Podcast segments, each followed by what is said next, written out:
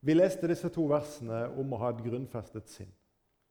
Eh, om å sette sin lit til Herren, og det sto her 'Sett deres lit til Herren til alle tider', for i Herren, Herren, har vi en evig klippe. Men hvilken fred er det vi snakker om her? Ham lar du alltid ha fred, leste vi her i eh, det tredje verset i Isaiah 26. Hvilken fred? Er det freden med Gud vi snakker om her?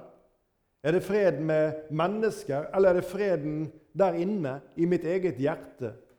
Hvilken fred omhandler dette? Så hva betyr det å ha et grunnfestet sinn? Det sto her i det tredje verset i Isaiah 26.: Den som har et grunnfestet sinn, han lar du alltid ha fred. Så hva betyr det altså å ha et grunnfestet sinn? Hvis du slår opp i et leksikon, det gjorde jeg, så står det en, en forklaring. Det står at ordet 'grunnfestet' er sammensatt av grunn og feste. Det hørte du i ordet. Men grunnbetydningen av ordet 'grunnfestet' det er å være festet til grunnen, altså noe som binder fast. Det er en forbindelse imellom grunnen og det som skal bindes fast. Sånn at disse to står fast i hverandre. Og Bibelen den taler om et sånt grunnfestet sinn. Et sinn som skal være festet i noe. Og Grunnen som det skal festes til, ja, det er oppgitt i det tredje verset. Vi leste for til deg setter han sin lit. Altså, det er Guds ord og løfter som er den grunnen som sinnet vårt skal festes til. Den som har et grunnfestet sinn, leser vi om her i Jesaja. Altså, det betyr den som har sitt sinn festet i Guds ord og løfter. Ham lar du alltid ha fred for til deg setter han sin lit. Merk deg ordlyden her. Han lar du. Det er Gud som lar deg alltid ha fred. Alltid er også et ord du må merke deg her. Jeg spurte her hvilken fred er det snakk om. Svaret ligger i dette verset. Alltid i alle situasjoner, i alle og under alle omstendigheter, så er dette Guds invitasjon til deg. Ikke bare til de andre, men til deg. En invitasjon om å få oppleve hans fred i hjertet tross omstendighetene. Du premissgiveren for at dette kan gå an. For det tenker du kanskje der inne nei, det er helt umulig. Det går ikke an for meg å ha fred i hjertet fordi at det er sånn og slik.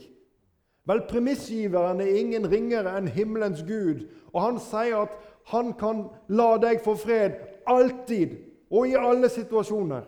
Og det er hans ord vi leser her. Du, visshet et ord vi bruker av og til. Men gir visshet fred i alle spørsmål? Ofte så er det slik at eh, hvis ting er uklart for oss, der er en litt sånn usikkerhet knytta til noe som skal skje, noe som ligger foran, så er vi urolige.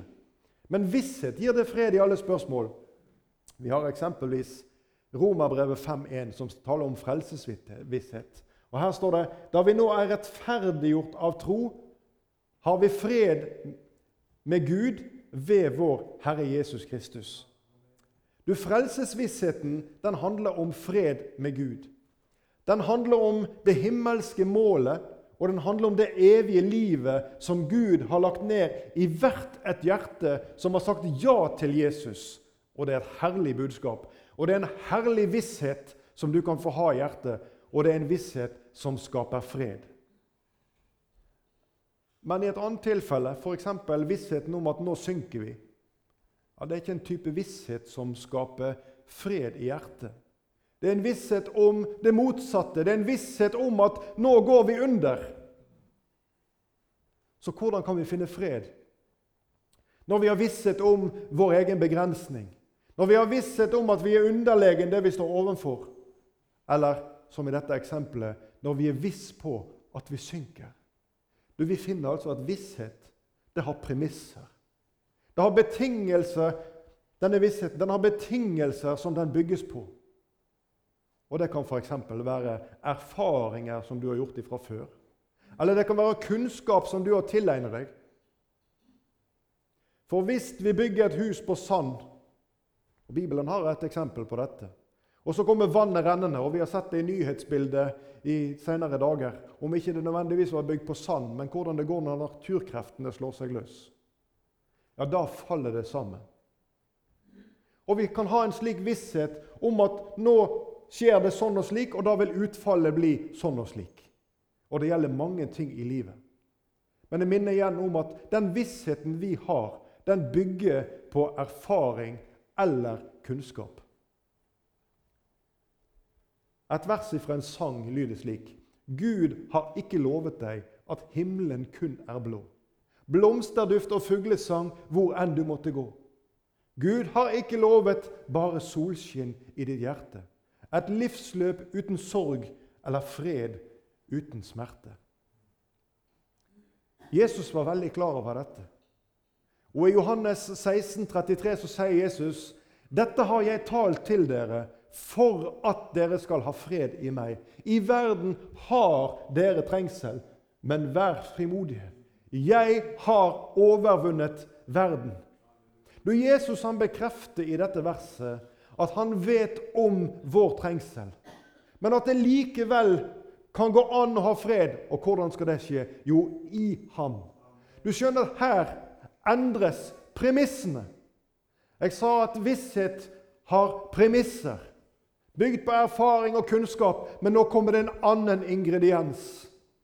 Du skjønner, når Newton satt der på bakken og treet falt ned, så skjønte han tyngdekraften, og det lærer vi om fra tidlige skoleår i år. At det er tyngdekraften, jordens tiltrekningskraft, som gjør at et eple faller ned. Og Vi kunne brukt mange eksempler på ting vi har kunnskap om, så vi vet at når denne stilken ryker, så faller eplet ned. Vi har visshet om det. Men når Jesus kommer inn, da forandres spillereglene. Jesus er ikke bunden av de begrensninger som du og jeg har. Jesus har ingen begrensninger.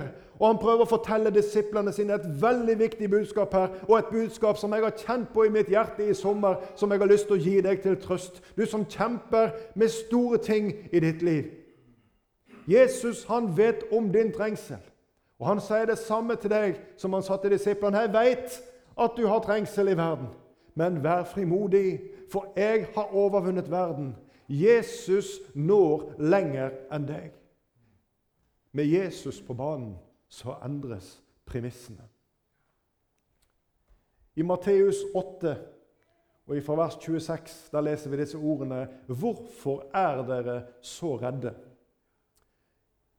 Jesus han er i båten med disiplene her, og de er virkelig redde. Stormen den raser på, og de er redd for at de skal gå under. De frykter for sine liv. Og så spør Jesus dette. Hvorfor er dere så redde? Men merk deg Jesus' spørsmål. For Jesus han spør ikke om disiplene er redde, men han spør dem hvorfor er dere redde. Vel, vi kunne lest, og vi leser her Matteus 8,24, litt om denne historien. Og se, det blåste opp en kraftig storm på sjøen, så båten ble skjult av bølgene.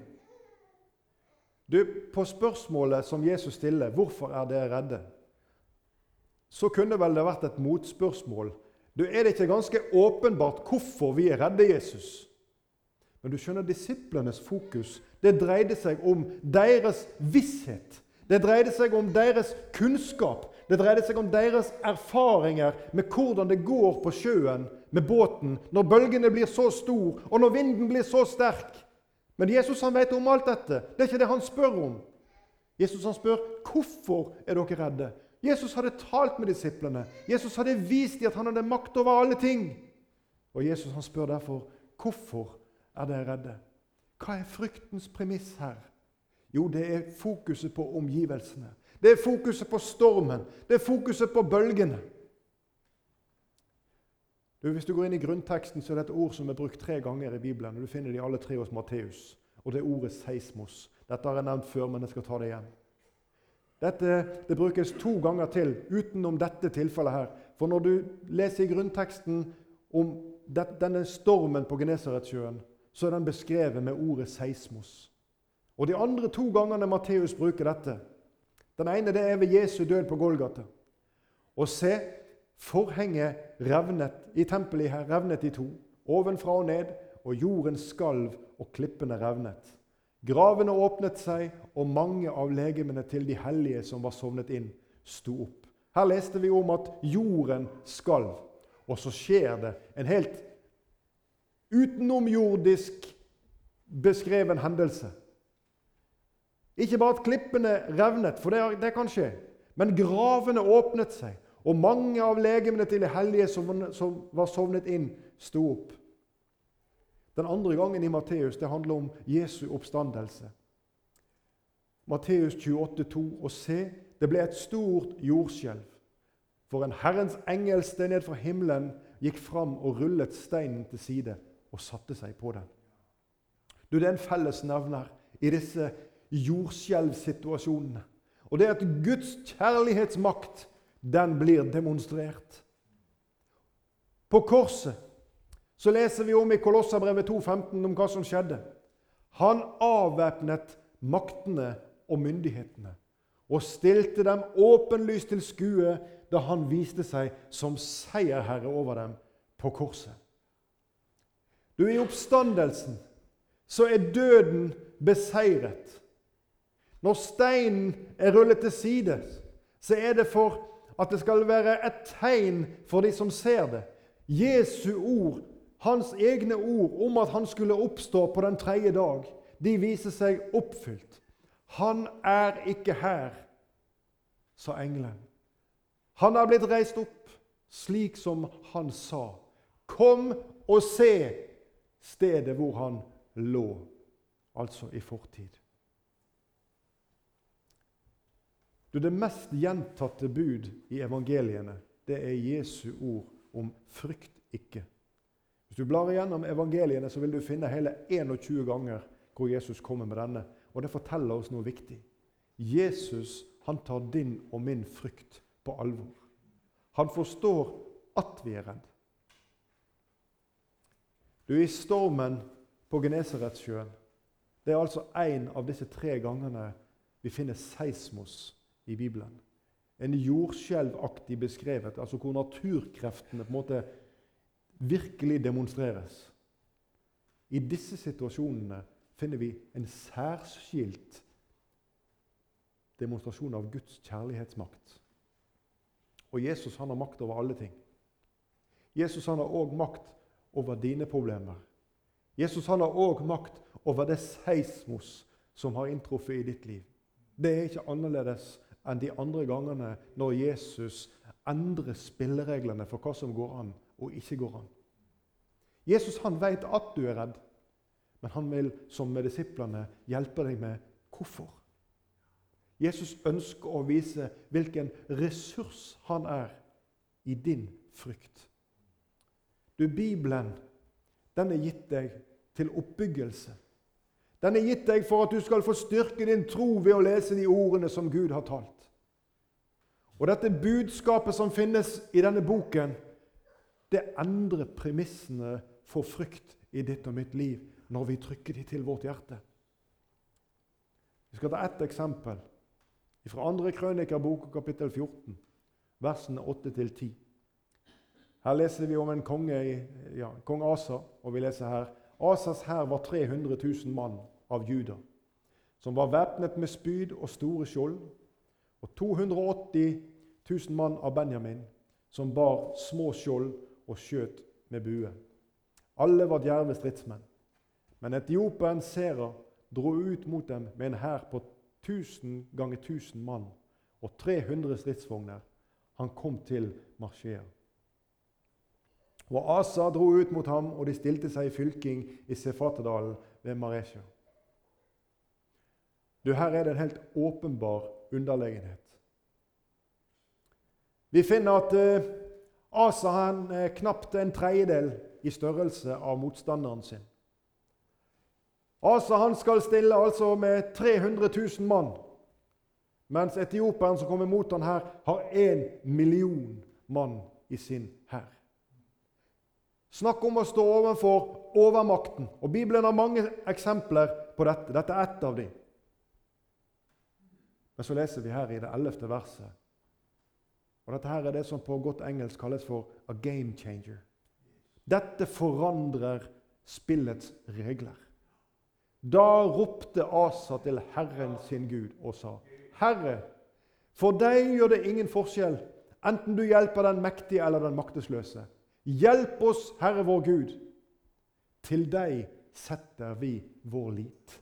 Og i ditt navn er vi gått ut mot denne mengden. Herre, du er vår Gud.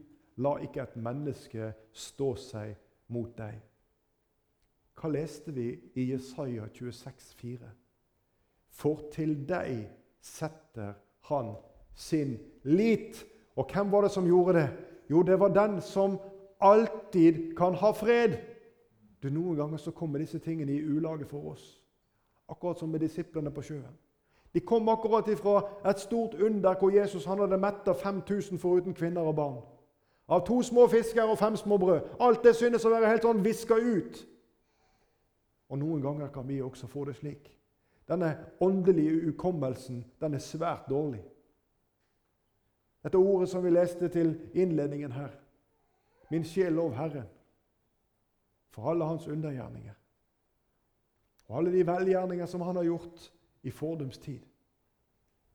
Det å betrakte disse tingene, det gjør noe med tilliten til Gud. Det finnes mange fortellinger i Bibelen. Noah er en av disse. Og Noah sin fortelling Vi forteller den til barna på søndagsskolen og fokuserer på det Gud gjorde.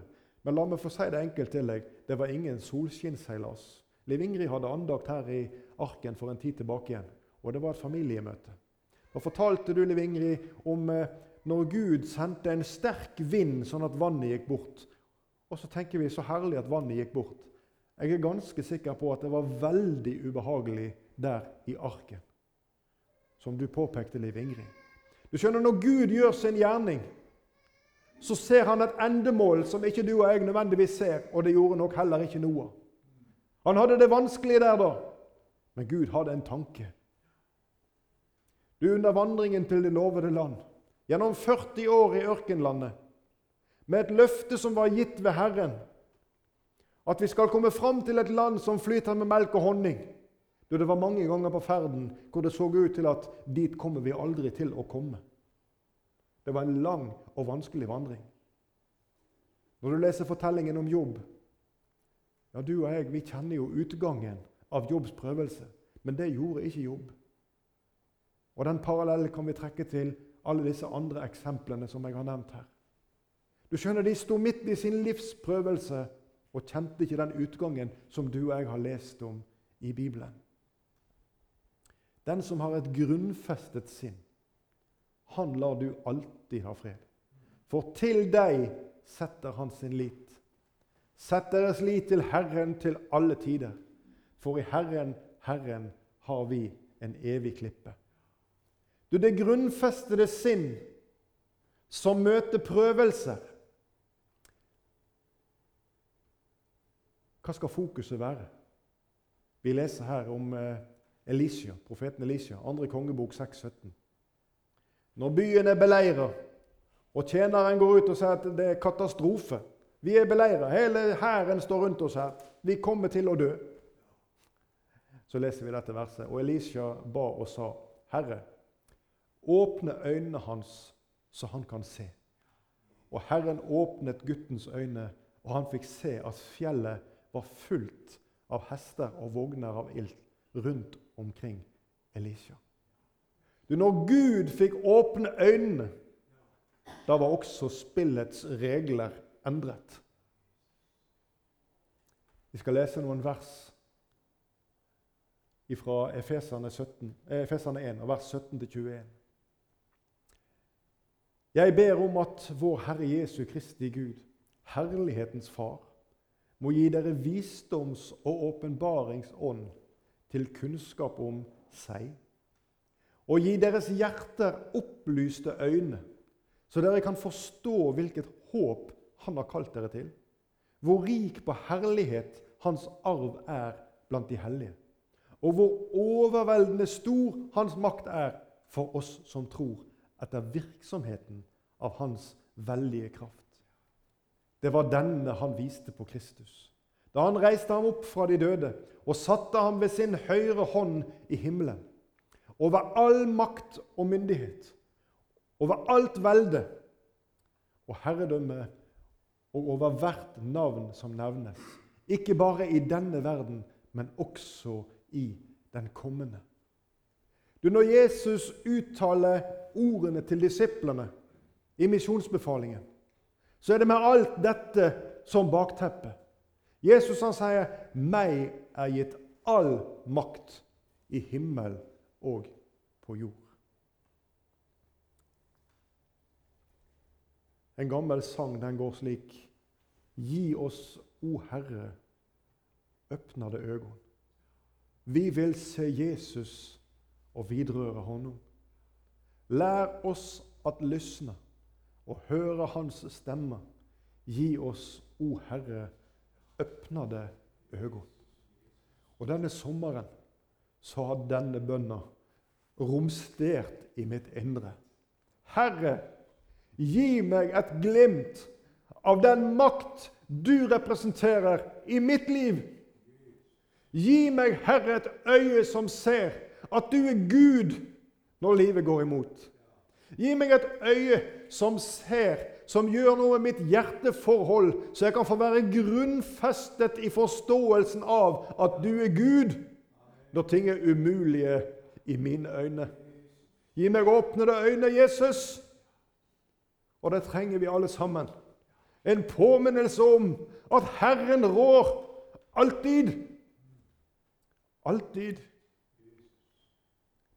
Du er i møte med frykten, ja, så skal du vite i ditt hjerte at Jesus han ser det som du ikke ser. I båten er det dødsens alvor for disiplene. Men Jesus han har en hensikt, som med de to andre ganger som vi lærte om når Matteus taler om seismos så bringer Jesus inn en storm fra himmelen og skaper dødsangst i disiplenes hjerter. Og hvorfor skjer dette? Han skal lære dem. På nytt skal det være en erfaring som skal danne premisser om en annen type visshet seinere i livet. Når disiplene skal stå overfor mange prøvelser og trengsler i sitt vitnesbyrd for Jesus. At den gangen i båten, ja, da reiste han seg opp og så tok han seg av naturkreftene. Jesus gjorde dette som var umulig, og det ble en merkestein i disiplenes trosliv. Denne forferdelig ubehagelige situasjonen, denne angstfylte situasjonen, ja, den ble til velsignelse for disiplene for resten av deres livsferd. Du, når prøvelsen står på, så er det svært vanskelig å forstå hensikten. Bibelen taler om det. Og For Jobb sin del så er det et eksempel som minner oss om Vel, Jobb han visste ingenting hva som hadde foregått der i himmelrommet, men det kan du og jeg lese om. At djevelen kom og ba om å få lov til å friste ham. Så foregikk det en kamp der i, i åndeverden som, som Jobb ikke kjente til. Han ble på en måte bare redskap igjen, dette, og han ble til et veldig vitnesbyrd for deg og meg. Jesus han ser det som du ikke ser. Og på dager når meninga er bare helt blåst bort, og det synes meningsløst og forferdelig vanskelig, ja, så vet Jesus likevel best. Og tro meg at jeg har fått smakt på å kjenne på håpløsheten. Jeg har også hatt dager hvor jeg har kjent at det bare er svart og mørkt. Men Jesus vet best. Og jeg har sagt det til meg sjøl der jeg har stått overfor situasjonen og ikke forstått hvordan skal dette kunne løses. Jesus vet best. Jeg har gjentatt ordene for mitt eget hjerte. Jesus vet best alltid. Jeg må få spørre deg som kjemper med vanskelige ting i livet ditt. Har du tatt med Jesus? Har du inkludert Jesus i premissene for hvordan dette skal gå? Er han en del av din løsning? Har du liksom Jesus sin CV sånn ved siden av deg, sånn at du kan dra den frem og se alle de tingene som han har gjort? Alle hans velgjerninger, alle hans under. Oppgjør med naturkreftene. Har du det klart for deg? Når Jesus kommer gående til disiplene på sjøen, det er en annen fortelling. Så er også disiplene her ute, og stormen står på. Og Jesus han kommer der gående på det som nettopp er deres største problem, det er de store bølgene. Men det er under Jesu føtter. Halleluja. Og disiplene blir redde. For du skjønner, i deres visshet så fantes det ikke et premiss som handler om at Frelseren skulle komme gående på sjøen. Det var på en måte utafor rammen av det som de hadde sett for seg skulle bli løsningen. Men der opererer Jesus. Utafor din og min kontroll. Utafor de rammene som vi liksom trykker ned og sier dette er et absolutt nei, ikke for Jesus. Så når Jesus kommer der på sjøen, så sier han til disiplene sine disse underfulle ord. Det er meg, frykt ikke. Det er meg. Å, for noen ord. For en vederkvegelse, for en frykt som sjel der ute i stormen. Det er meg. Frykt ikke. Ja, men Jesus, kan du være her? Hvordan Jeg tror ikke de hadde noen sånne spørsmål. Jeg tror de bare var veldig glad for å se Jesus og redningen. Du hadde jo Bibelen din i beredskapsstilling. Som eh, mange av dere vet, så har jeg mange år bak meg i Forsvaret. Og Under en øvelse en gang i unge år så øvde vi på dette med kjemisk stridsføring. Og Da har vi forskjellige typer gasser som kan være aldeles veldig farlige. Denne dagen så var det en øvelsesgass, som en type tåregass, som du sikkert har hørt om. Og Vi lå der nede i skyttergraven og, og venta på angrep fra fienden. Um, ingen av oss var særlig eh, beredte. Vi hadde hatt en lang dag med mange hendelser. og Dette var på en måte noe som øyeblikkelig inntrådte. Så spørsmålet blir jo da er utstyret klart. Jeg hørte det dunka noe ned i skyttergrava like bort forbi meg. Det var en liten granat. Øvelsesgranat. Den gikk ikke av. Ja, det var bare lureri. Det skjedde en gang til. Det kom en til sånn. Roen senka seg litt her. Det var jo bare sånne blindgjengere som kom her. som Det heter. Det var ikke noe farlig. Plutselig så smalt det. Og denne skyttergrava den var fylt med tåregass. Jeg husker det veldig godt. Som sagt, ung og uerfaren. Og oppi den vernemaska som jeg skulle ha på meg, oppi den veska som vi hadde øvd på, at den maska den måtte kunne komme opp, og det var bare noen sekunder du har på deg til å få dette her på for å berge livet hvis det er stridsgass. Denne gangen var det som sagt bare tåregass. Men jeg, fokuset mitt var litt annerledes denne dagen. Jeg hadde bl.a. matpakken min pakka inni den maska og andre ting nedi denne her. Og det gikk akkurat sånn som du tenker, du som sitter her og trekker på smilebåndet. Jeg husker ennå at jeg løpte og stakk hodet inn i snøen for å unngå denne forferdelige konsentrasjonen av tåregass der nede. Hvorfor skjedde dette? Jeg hadde ikke utstyret mitt i beredskapsstilling, kjære deg. Og nå forstår du hvor jeg vil henne. Har du Bibelen din i beredskapsstilling? Eller er den støva ned på nattbordet eller i ei bokhylle? Du skjønner, dette er det våpen og dette er den beskyttelse som Gud har gitt deg i møte med fienden. Og den må du ha klar, i beredskap, når han banker på døra. Romerbrevet 15, vers 4, et kjent vers. Paulus sier at alt som før er skrevet, det er skrevet til lærdom for oss, for at vi skal ha håp ved det tålmodet og den trøsten som Skriftene gir. Du, Vi leste, og vi repeterer, Jesaja 26, 3-4. Den som har et grunnfestet sinn, han lar du alltid ha fred. For til deg setter han sin lit. Sett deres lit til Herren til alle tider. For i Herren, Herren, har vi en evig klippe. I alle situasjoner og alltid leser vi her. Og det er hilsen Gud i himmelen til ditt hjerte. Helt til slutt vil jeg sitere dette verset eller dette refrenget som vi mange ganger stemmer i å synge. Gud er på tronen ennå, og han kommer sine i hu i prøvelsens stunder, og tenk hvilket under at aldri alene er du. Gud er på tronen ennå, og han kommer sine i hu. Hør hans løfter til meg, jeg skal ei glemme deg. Gud er på tronen ennå. Amen.